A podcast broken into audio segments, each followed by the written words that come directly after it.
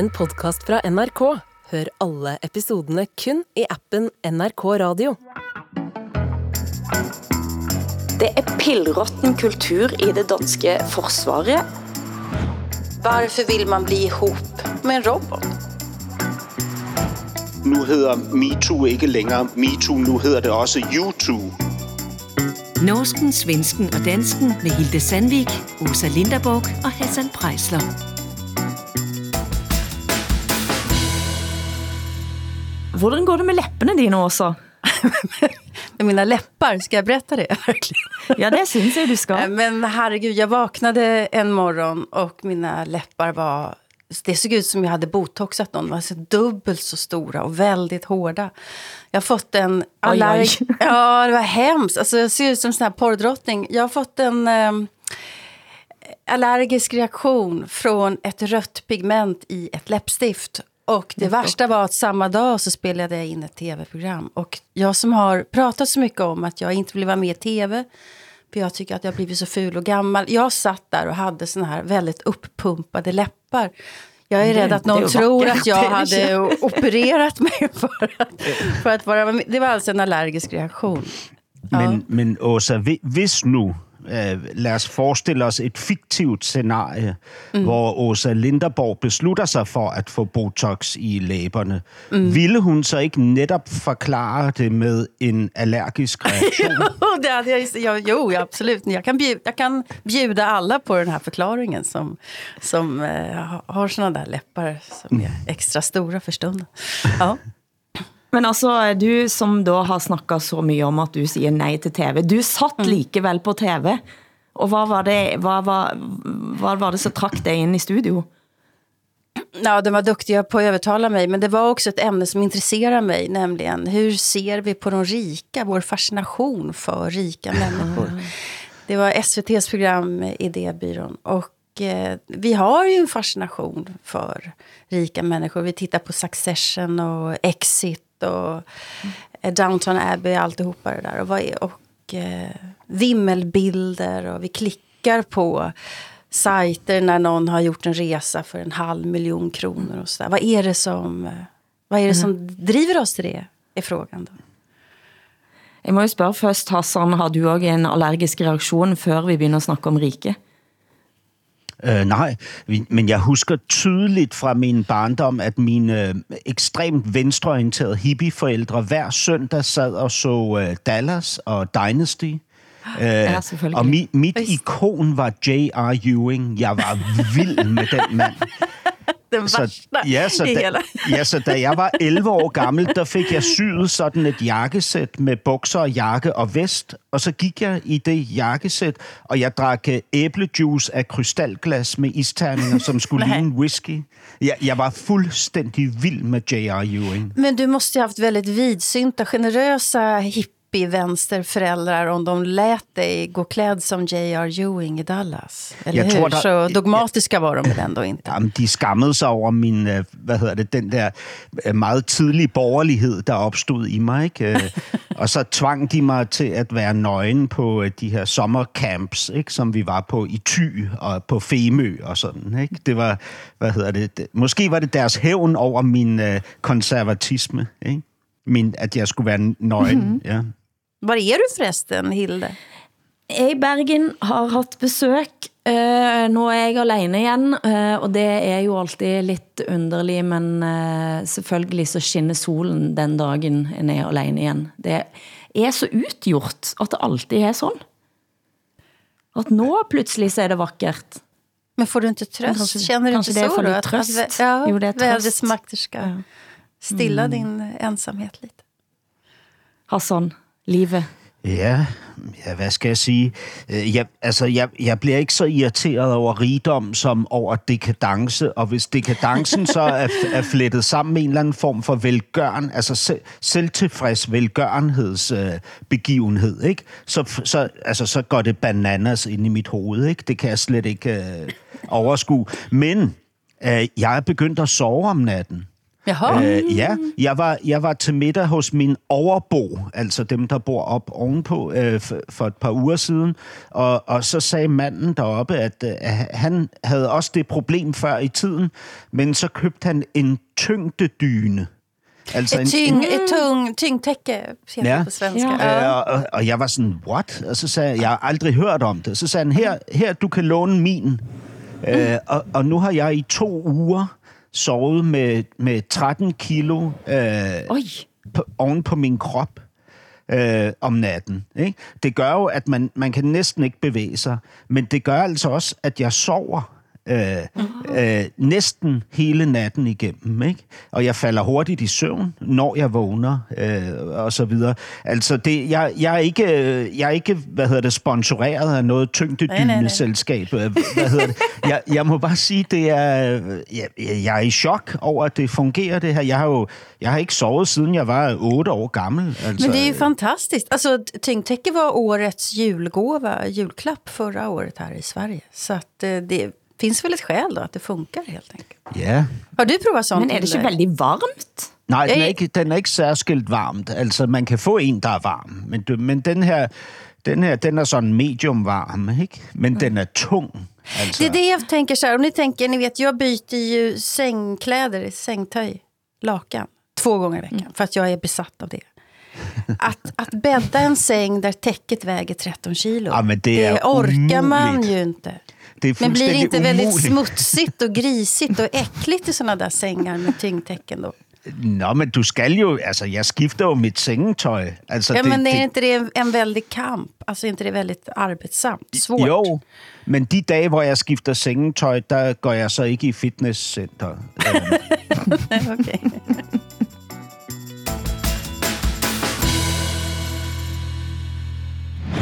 Jeg giver min dybfølte undskyldning til de mennesker, som mener, at min opførsel har været upassende.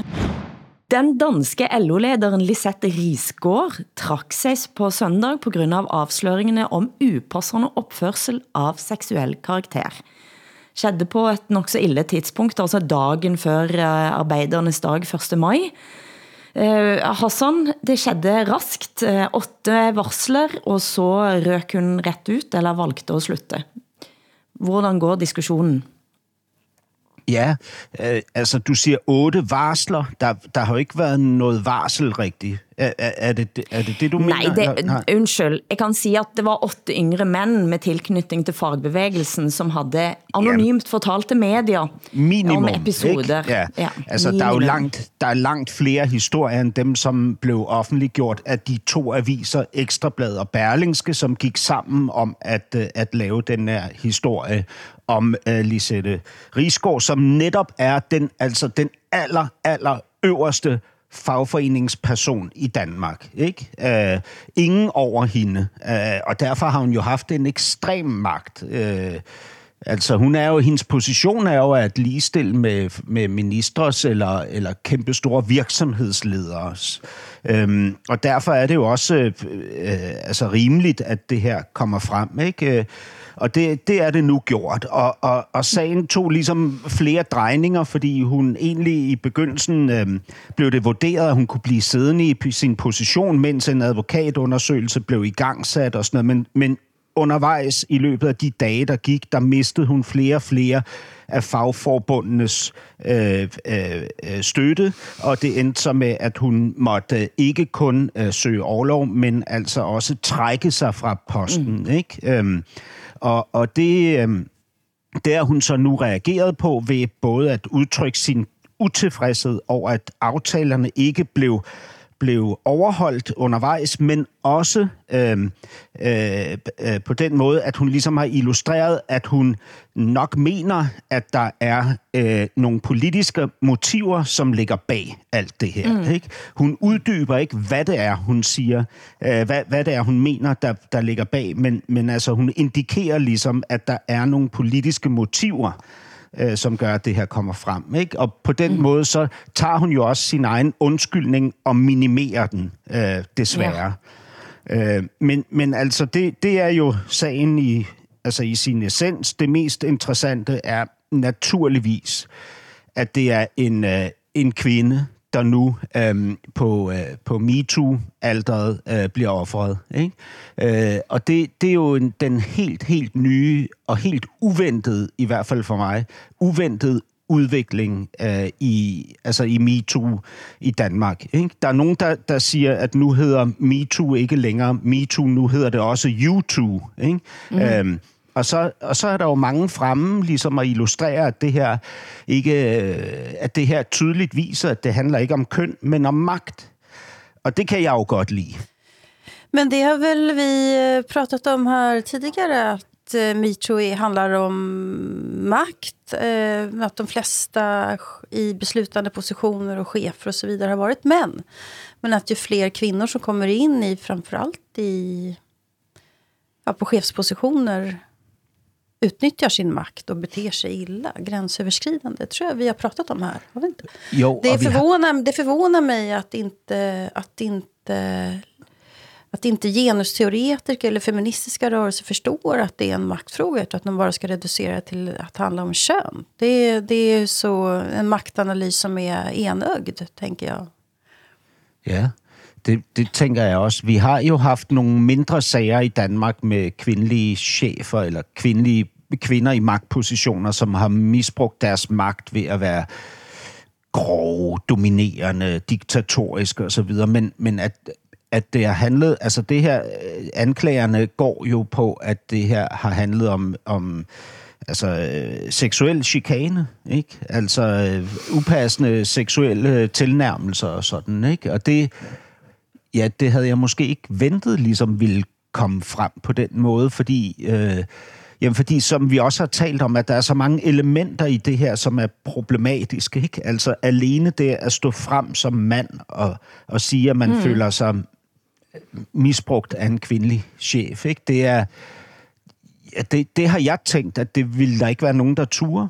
Og kilderne er også anonyme, skal det tilføjes, ikke? Men, men altså, det, det har jo alligevel kostet noget, ikke? Mm.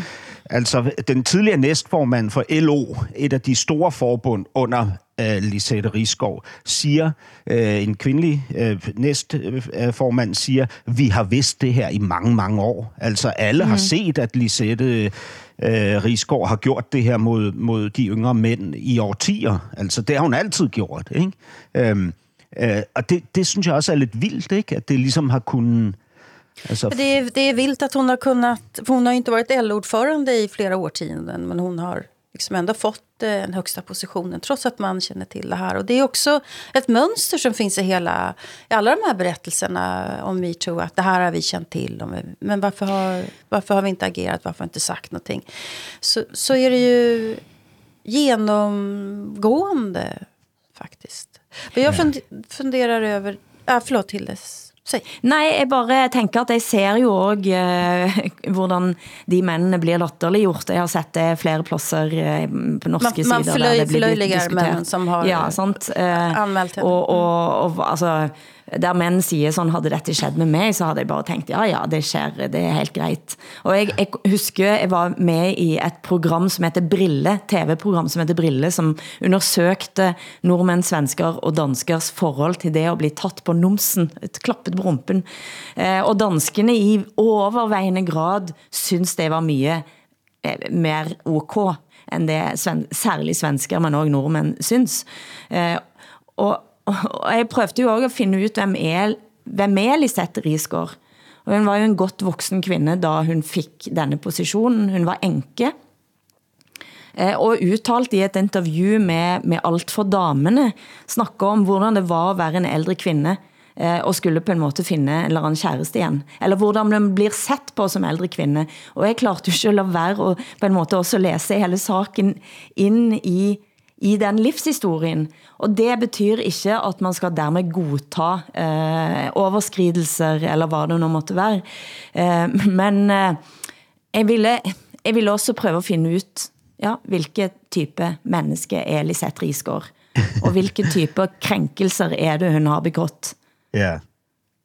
Og hun Ja. ja. sa for eksempel at eh, vi, eh, flere av mine veninder siger, jamen Lisette for fanden, vi, har, vi, har, vi, vi ser rimelig ut, vi mangler ikke noget. Hvad er det, det gør at samfundet strukturmæssigt er sådan, at mændene kan godt gå og finde en ny kæreste, men det er sværere for os kvinder. Hun snakker ganske åbent om sådan, det er, gans, det er tilbage i 2016, dette da. Ja. Ja, altså, det, det, det kan du sige, og det, det er jo altid interessant ligesom at beskæftige sig med folks indre motiver, det er klart. Men jeg, jeg synes måske, den, altså, den interesse for, for de mandlige overgrebsmænds indre motiver har, har vi jo ikke ligesom promoveret på noget tidspunkt, når vi har taget de krænkelsessager op, ikke?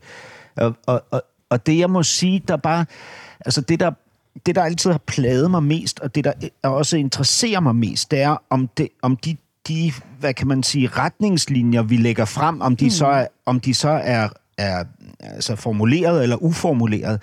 Er det så nogen, der gælder for alle, eller ke- gælder mm. de kun for udvalgte grupper? Ikke? Mm. Og det, det, det er der, hvor jeg synes, at, at altså, at den her sag bliver interessant, fordi så viser det sig faktisk, at det, det her handler ikke om, om en selektiv retfærdighed. Det er faktisk en generel retfærdighed, vi ønsker. Ikke? Mm.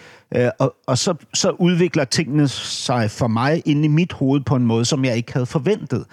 Altså, så, så får jeg en langt større kærlighed til den bevægelse, der hedder MeToo, som jeg har haft mm. det meget, meget dobbelt med. Ikke?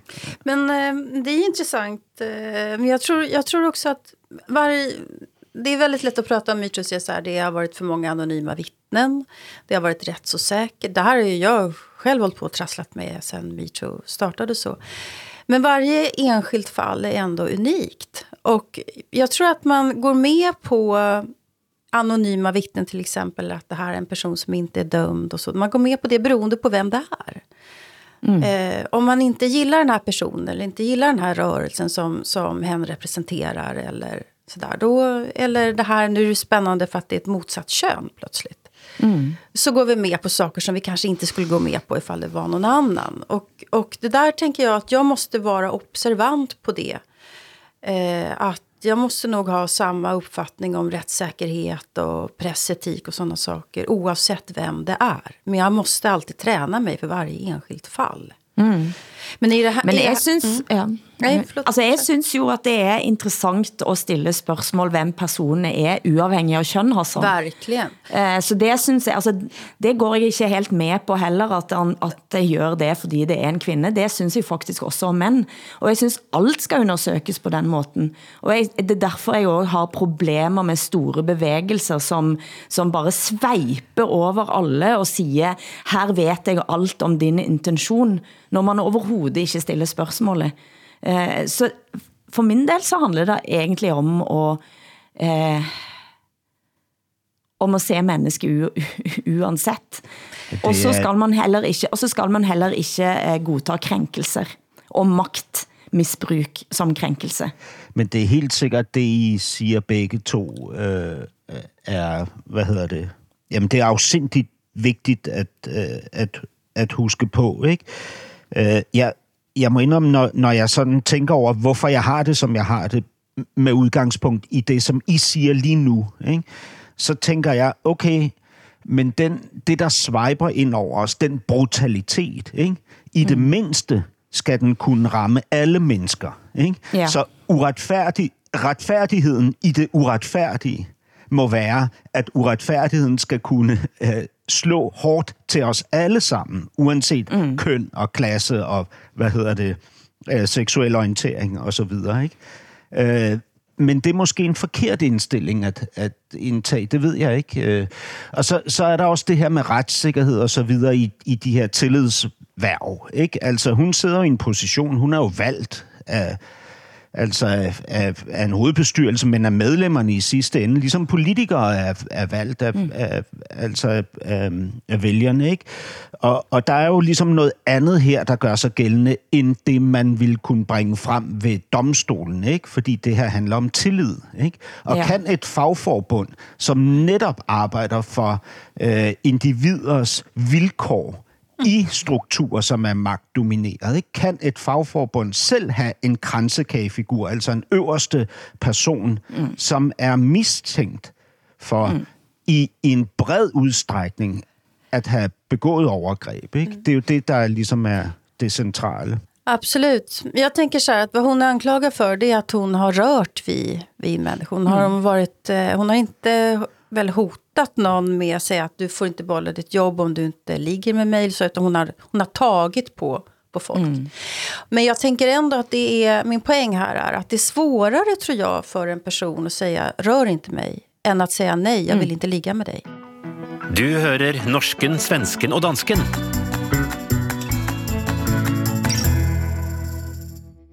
Men, men også jeg lurer på en mhm. ting, fordi eh, Expressen eh, varsler for eh, ganske længe siden, at Uppdrag Granskning holdt på med en stor granskning av en litterær agent i, i Sverige, blandt andet også med, med henblik på seksuel overgreb eller trakassering eller hvad det var. Men den, det har ikke kommet nogen enda, har det det? Nej, den skulle ha sänds eh, nu. Eh, det är en, en ett, ett grävarbete som de hållit på med i ett och ett halvt år. Och strax före sändning då så, så pausade de programmet som de sa och alla undrade ju varför och då visade det sig att den här agentens advokat har hotat med att stämma programmet för förtal. Mm. Och eh, då är det är lite märkligt med det här alltså därför att om programmet hade sänts så är det ju den ansvariga utgivaren som man stämmer för förtal. Men som det är nu så har det pratats om att det skulle bli en civilrättslig eh, stämning. Och mm -hmm. då påstås det att källorna lever farligare.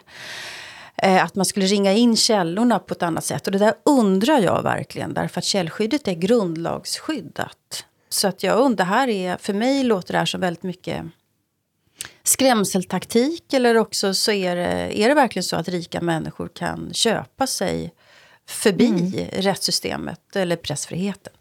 Och eh, det är någonting här som är väldigt lurt. Men det här är ju det som vi i bokbranschen och mediebranschen pratar om den här veckan. Väldigt, väldigt mycket. Såklart. Ja, og det er jo ganske, altså det navnet har jo både været fremme og, og har været fremme tidligere og er en, et menneske med veldig stor magt. Eh, og nå begynder spekulationerne og selvfølgelig ryktene at svirre. Eh, ganska grove ting som har kommit på bordet? Ja, det blir ju så att när man inte får se vad det är Uppdrag granskning har på den här mannen så, så växer ju ryktena så att de blir hur stora som helst. Jag ska också säga att det här är en figur som är känd också i Norge i bokbranschen. Mm. Men mm. Eh, men, eh, eller också är det så att det här programmet pausas därför att det inte håller rent journalistiskt. Så kan det ju också vara. Men vi vet ju inte eftersom ingen har sett programmet. Men eh, fortsättning lär ju följa i alla fall, det tror jag. Nå, det er interessant, men det er jo bare et interessant spørgsmål. Øh, hvem, hvem som slipper uh, for folkedomstolen, og hvem som bliver dømt. Ikke? Altså, det er bare så sindssygt. Visst. Mm. Men så er det, det er også forskel på, på sociale medier og, og redaktørstyrt medie. Eh, og, og det som man da vel ser er at de redaktørstyrte medierne får et mye, større, mye vanskeligere arbeidsvilkår, fordi logikken i sociale medier presser. Eh, og det betyder at eh, her i Sverige nå så har du en mulig en trussel om, om retsforfølgelse, rett og slett, hvis mm. man siger det, man vet mm. eh, Yeah. Ja, og, det her... og, det gir, og det ger jo medien også nogle ganske vanskelige arbetsvillkor. Ja, och eh, det blir väldigt konstigt om, om man ska kunna bli stämd för att man har pratat med en journalist. Mm. Det, det strider helt mot grundlagen. Och då är det ju inte, det är ju inte så att, att, eh, jo, att man ska kunna bli stämd för förtal. Ja. Det är i alla fall så som, som jag har förstått att den här eh, advokaten argumenterar. Då mm. går det inte längre att vara journalist. Nej, då, kan vi, då, kan, då kan vi lägga ner vår verksamhet i så fall. Ja, nu har det været eh, pressefrihetsdrag. Eh, Foreløbig så troner Norge på toppen. Danmark har faldt til tredjeplads, har jeg læst mig til. Eh, men der kommer også lover på vej i Norge, som gør at det vil være vanskeligere for eksempel at hente ut ja, sms'er, tekstmeldinger, sociale medieposter ifra personer. Offentlighedsloven strammes ind. Mm. kan det ligge an til. Ja. Og det får også store konsekvenser. Så det er liksom, på den ene siden så har man da den uregulerte sociale mediestormen, som du snakker mm. om, Hassan, og på den andre siden så har man redigerte medier, som får eh, strengere eh, krav på sig. Ja, alltså Sverige halkade ju ner på den här listan över pressfrihet i, eh, därför att vi har en ny lag, som, den här, en ny spionlagstiftning som vi har pratat om här förut. Som går utöver den som EU har, som säger att det är straffbart mm. plötsligt att publicera uppgifter som kan hota Sveriges relation till andra länder. Mm. Till exempel, och framförallt våra allierade, USA, NATO, FN, EU och sådär. Mm. Mm. Ja, det er klart, det er jo crazy shit. Altså, øh, vi fik jo også i Danmark en stramning af offentlighedsloven for en del år siden efterhånden, og har jo også oplevet, at en, en statsminister angiveligt har truet en chefredaktør med, med, en, en, øh, med at blive sagsøgt ikke? på baggrund af en mm. artikel, der endnu ikke var publiceret. Ikke? Øh, men, men, men jeg synes, altså det, det er jo det ene element, det her, det er jo den her altså de her stramninger, de her lovgivninger. Det andet element er jo den der hvad hedder det, automatiske øh, selvcensur, som vi ligesom hele tiden alle sammen foretager, ikke? Fordi mm. vi er så... Øh, altså, vi, vi, er jo, mm. vi er jo de besynderligste flokdyr, ikke? Og de sociale medier er for mig ikke en løsrevet øh, platform fra dette de sociale medier er bare en fremkaldervæske, ikke? som illustrerer, hvordan vi elsker at løbe i flok. Ikke? Og vi, vi bliver, altså... Ja, ja, jamen altså... Jeg læste en, en, øh, en undskyldning, som en, en person, der har deltaget i noget af det, det her hets, har, har, øh, ligesom har publiceret nu på de sociale medier, hvor hun skriver, jeg deltog i den hets. Øh, det er jeg rigtig, rigtig ked af gud, hvor bliver mennesker i flok frygtelige. Ikke? Mm. Sådan en type undskyldning har jeg aldrig set før. Altså, mm. Det er som om, vi ikke ligesom... Jamen, det, det føles retfærdigt, bare vi er mange nok. Ikke?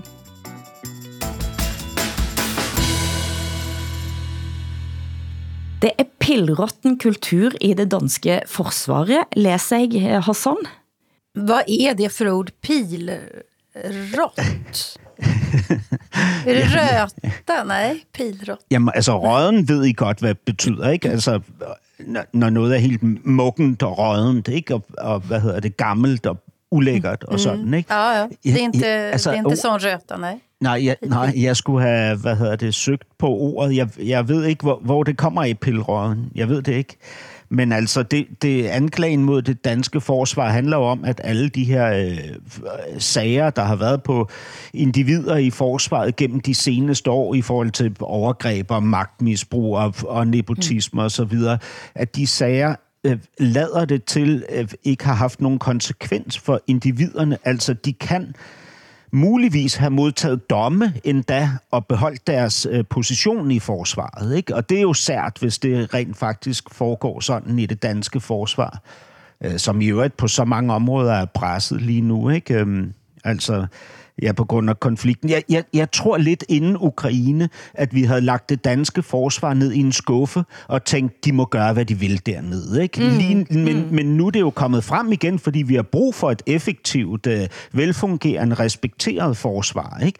Og det har vi jo nok ikke. Altså, det skal opbygges igen nu, ikke? Efter mange års øh, øh, forpupning. Øh, det er det, sagen handler om for mig Vi har haft det samme i Norge, så har det jo været store varslingssaker, som vi har snakket om eh, også her. Det samme skedde også i Norge, at mange fik beholde, eller folk fik beholde jobbene sine. Og et av problemene i forsvaret, synes jeg også høres ut som om at det er at varsling skal ske på lavest mulig niveau.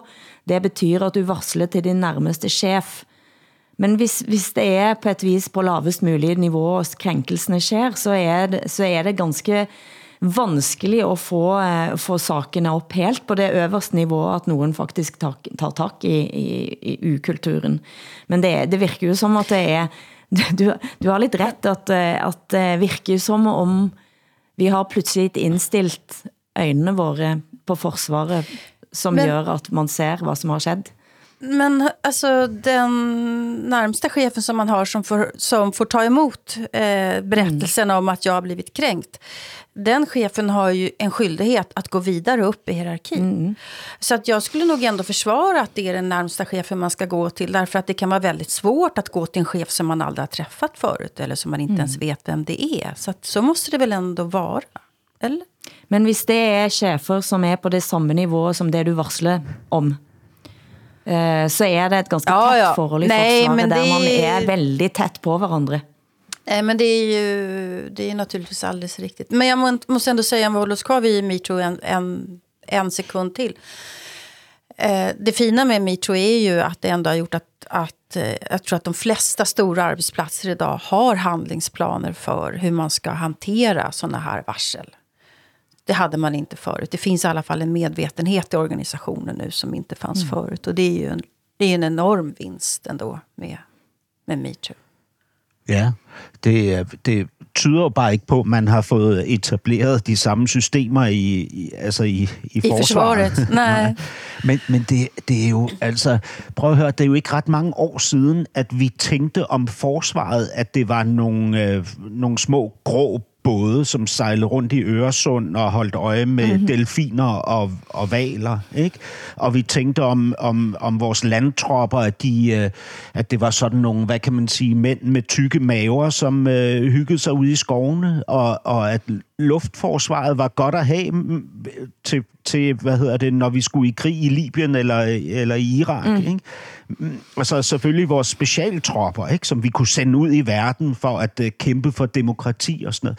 Altså det var jo sådan, vi tænkte om forsvaret, at det var, at det var passé. Det var ikke noget, vi, vi længere havde brug for på den måde. Ikke? Og lige pludselig så står vi i en situation, hvor, hvor forsvaret føles som noget af det allervæsentligste, ikke? Mm. Vi, vi har. Og det, det, det er jo i sig selv, hvad hedder det, sådan en, en enorm mental omstilling, man ligesom skal foretage. Ikke? Og, og så kigger man op fra, altså fra sit, sit bord, og så, så kigger man på et forsvar, som er ineffektivt, øh, nepotistisk, øh, hvad hedder det, ustruktureret, øh, faldefærdigt øh, og sådan noget. Det, det er jo ikke rart. Altså, der, der øh, hvad hedder det, ja, der er jo, det er en, det er en tomhedsfølelse, synes jeg. Mm. Du lyssnar på norsken, svensken och dansken. Norge tar over Arktisk råd 11. maj. Arktisk råd er en anden nordorienteret familieterapi. Rusland er ute, har ledet Arktisk råd, eh, går ifra 8 til 7 land. Ehm, det håpefulle er at i alle fall så siger norsk UD end så længe, at eh, det virker som at Rusland ikke kommer til at stikke nogle kæpper i hjulene for at få til en god overgang, altså den 11. maj. Men dette, altså hele det arktiske eh, området, er jo blitt av en stadig større geopolitisk eh, vigtighed. Da. Det vigtigste for oss er at bevare Arktisk råd. Eh, hvis ikke vi har Arktisk råd, så eksisterer det ikke nogen form for multilateralt samarbejde i denne delen av verden? Sa den norske utenriksminister Anniken Wittfeldt på SVT i forrige uke. Men Hilde, kan inte du berätta, vad gör Arktiska rådet? Vilka länder är med och vad, vad sysslar ni med och vad är din uppgift där?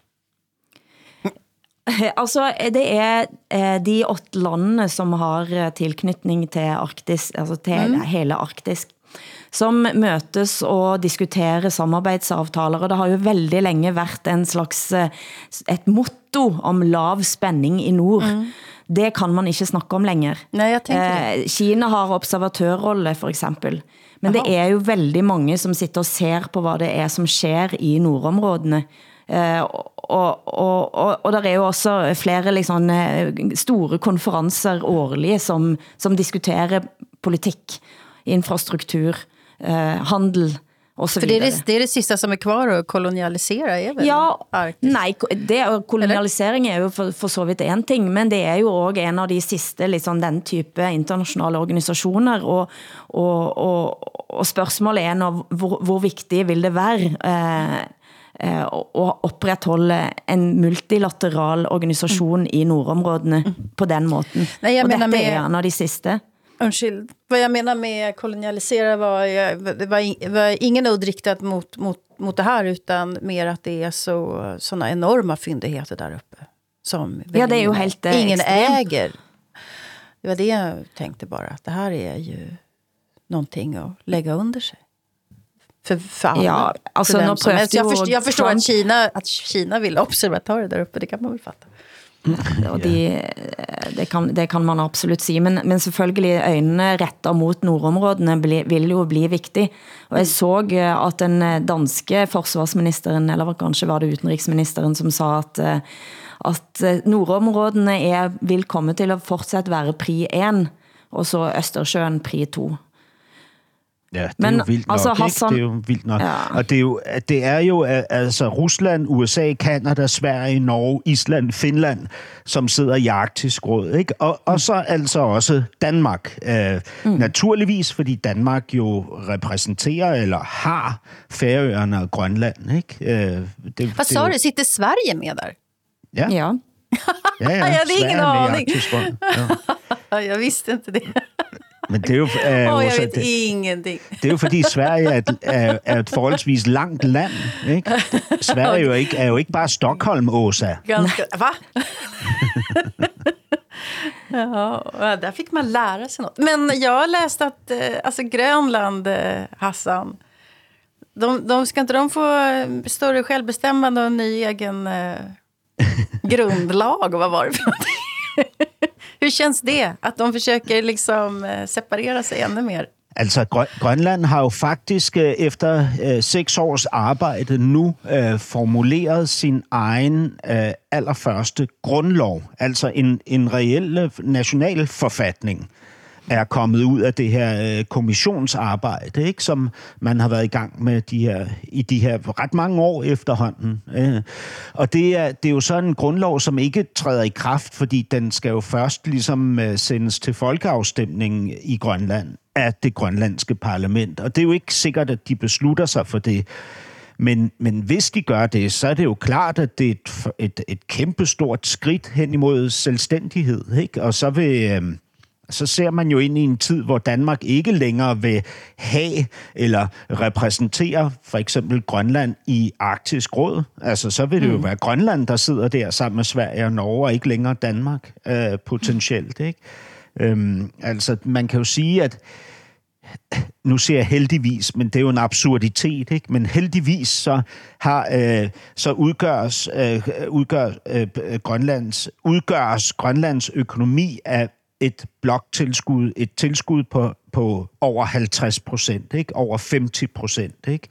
Øh, og, og, øhm, og derfor så, så er Grønland jo ikke selvstændig rent økonomisk. Ikke? Og, og jeg har jo set, at hver gang Grønland ligesom har truet med større selv, selv, selvstændighed, så har Danmark truet med at, at fratage dem bloktilskud. Ikke? Og det er, jo, det er jo den måde, vi ligesom fastholder det her dysfunktionelle ægteskab, som nogen ligesom vil sige, øh, det er. Ikke? Altså i en, i en gensidig afhængighed. Ikke?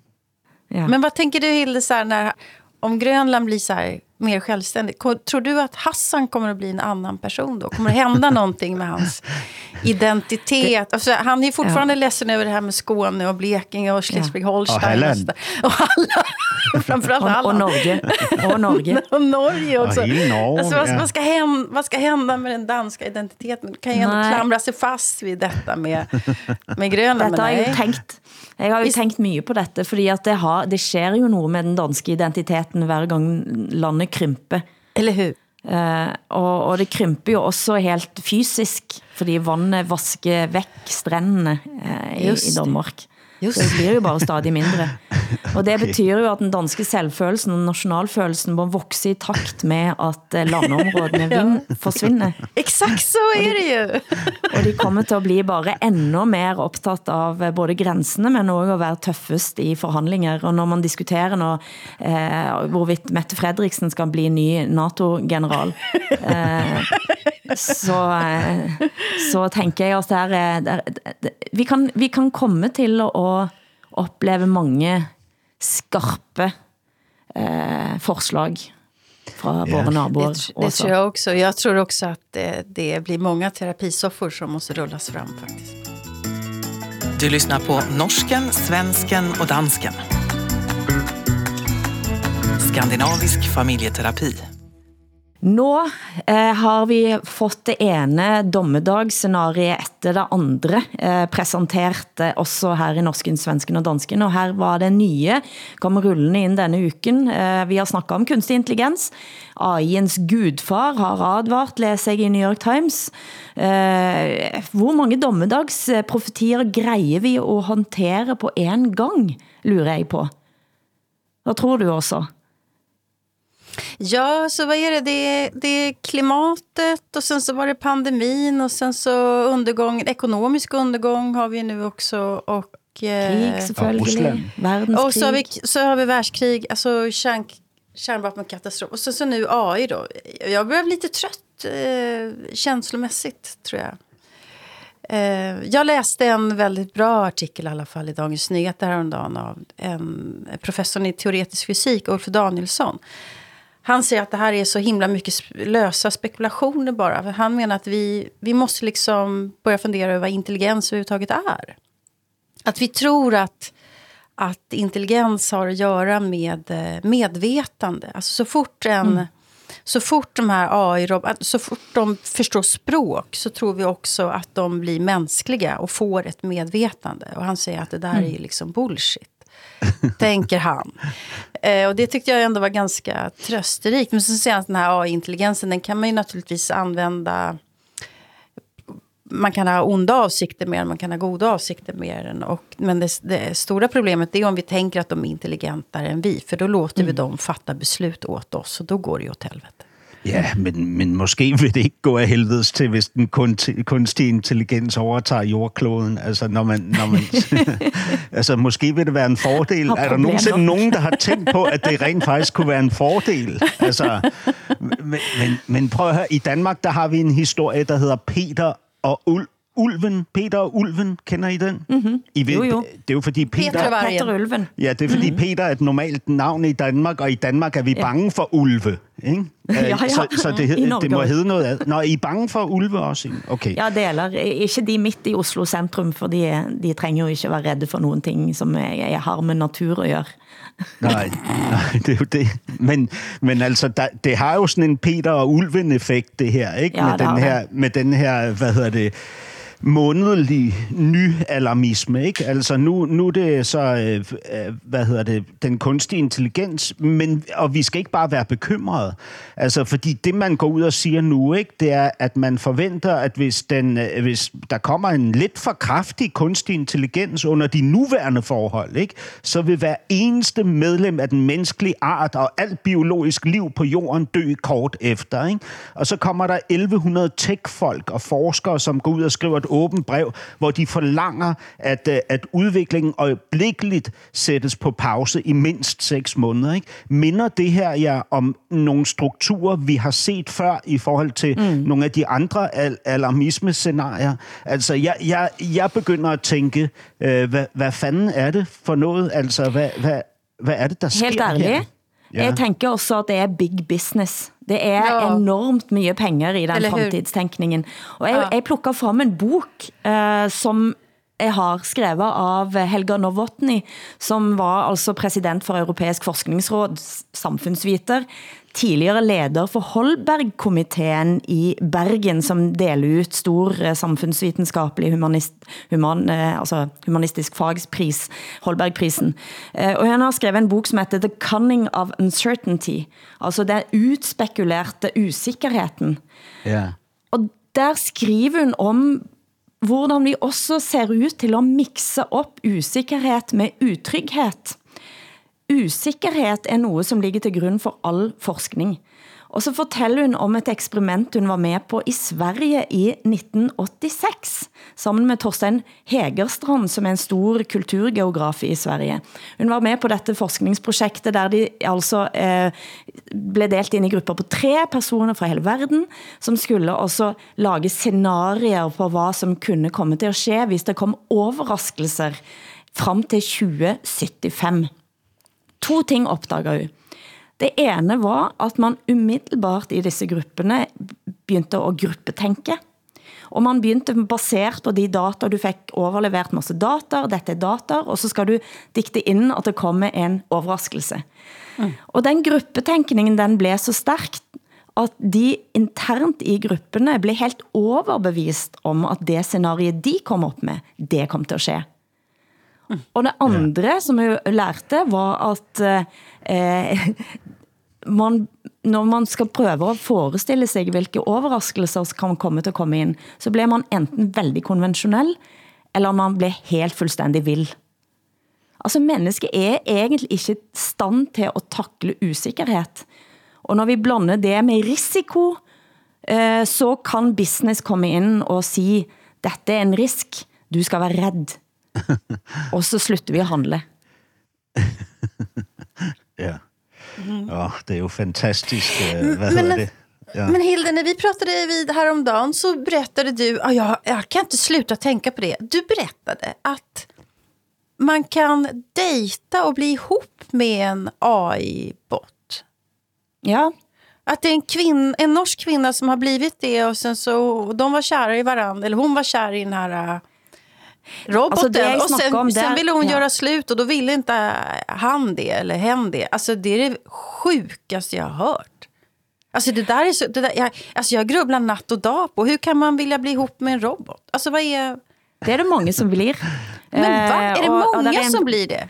Ja, det, altså det er til og med et forskningsprojekt, eh, norsk forskningsprojekt, som har sett for sig eh, folk, som har lastet ned en app, som heter Replika, som jeg ikke vet hvad er, eh, og der man ganske fort utvikler følelser for chatbotten.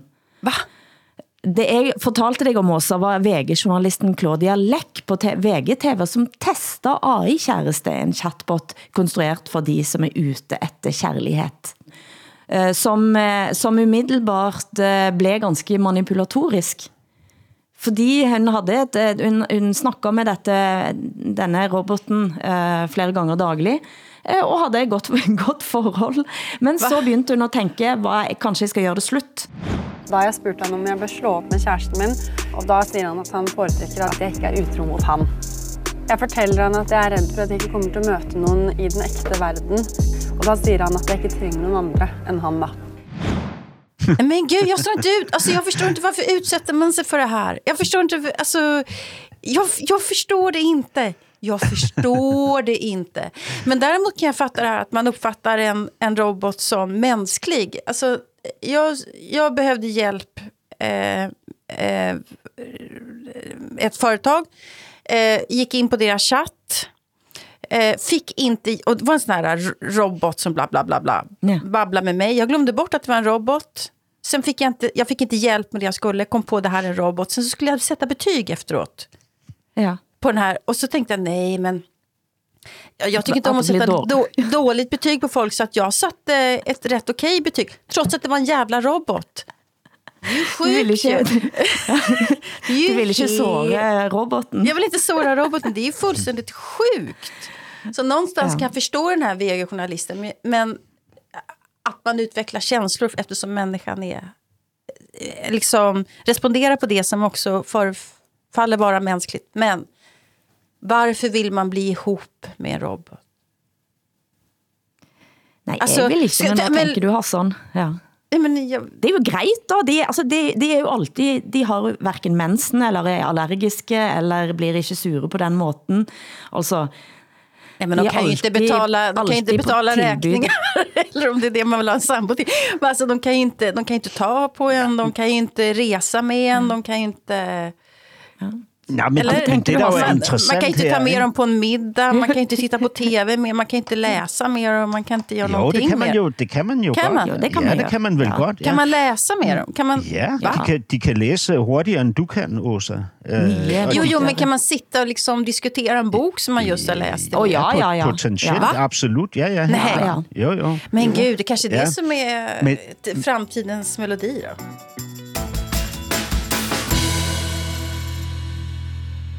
Vi må fortælle vitser. Hassan, har du en historie fra Aarhus, du kan berette? Og hvorfor? i, i Aarhus, der, øh, ja, ja, øh, i Danmark, der har vi en øh, Aarhus-historie, som er en type vidighed eller joke, der handler om øh, de angiveligt dumme Aarhusianer. Øh, de, de, her, de her historier stammer fra 70- og 80-tallet, ikke?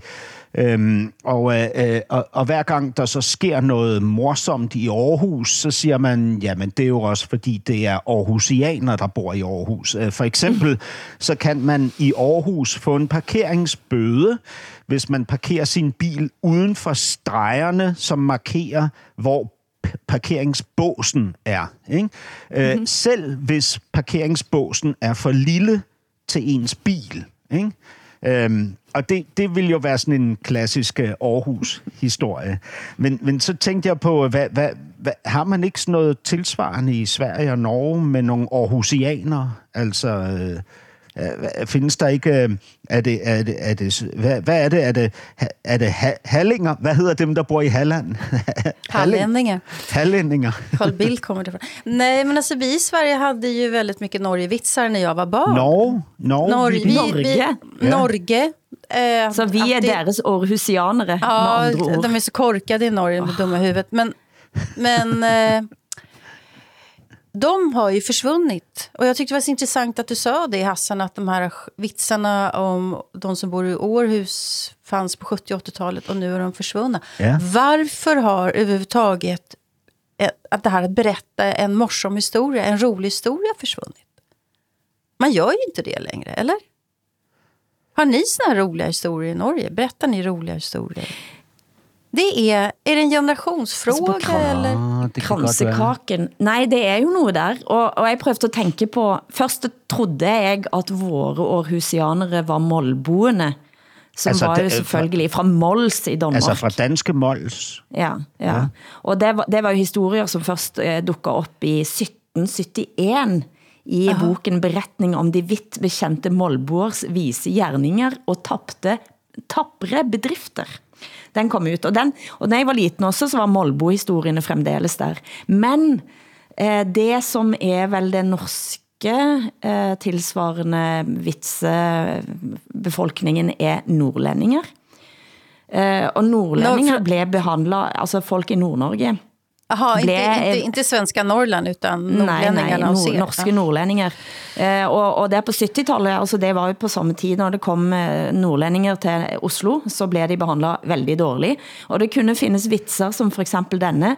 Har du rotter i källaren, siger du?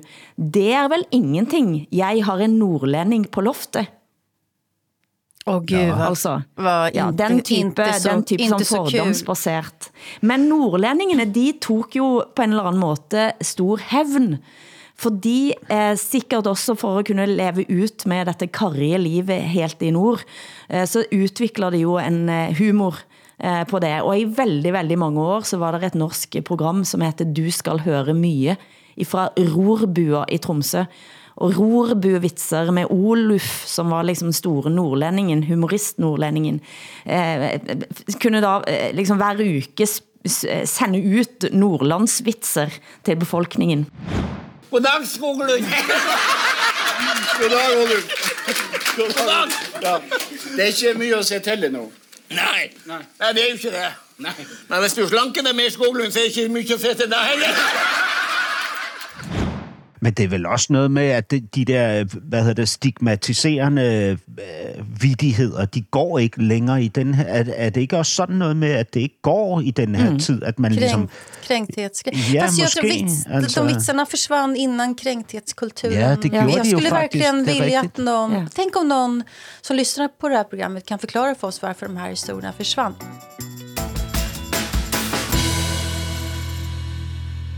Jeg tror vi skal gå ut på et eh, nytt endetidstegn. Husker dere valrossen Freja, som svømte ind i Oslofjorden? Ja, hvad og til slut måtte tas eh, livet av, fordi at hun var faktisk det hun skulle være, et farligt dyr. Uh, har fått en statue som er Hva? En status? Har valrossen en fått statue, en sta en stat staty? En staty, en staty. Va, har valrossen fått en staty?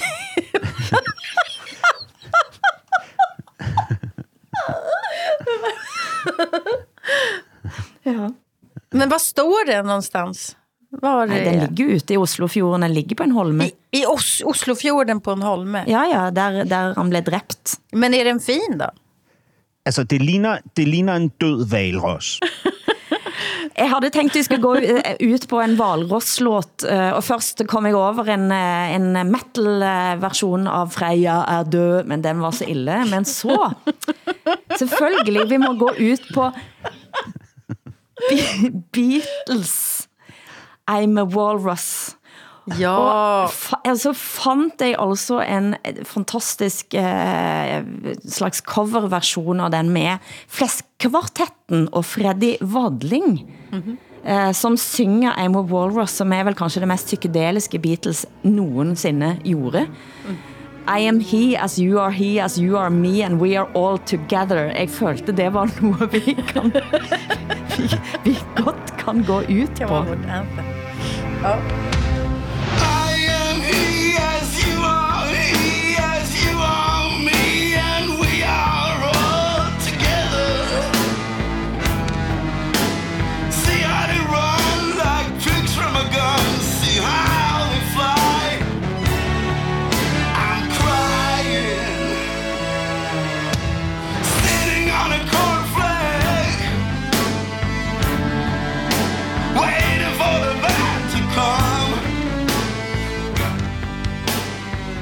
Produsent har været Eskil Paus, tekniker Hans Christian Heide, tak til Åsa Linderborg i Stockholm, Hassan Freisler i København.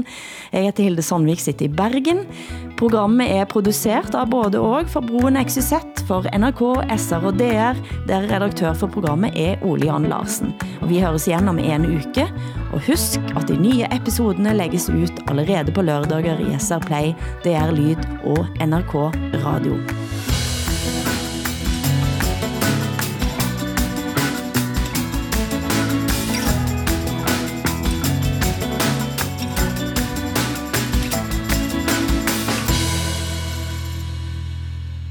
Du har hørt en podcast fra NRK. Hør alle episodene kun i appen NRK Radio. Abid Rajas liv er som klippet ut av en Bollywood-film. Du kommer til å bli kultur- og likestillingsminister. Han er fattiggutten med alle oddsene mot seg. Altså, det, hadde vært, det var så latterlig langt ifra virkeligheten. Men så møter han noen helt spesielle mennesker som hjelper han. Ja, det var min baby. Abid og de gode hjelperne hører du kun i appen NRK Radio.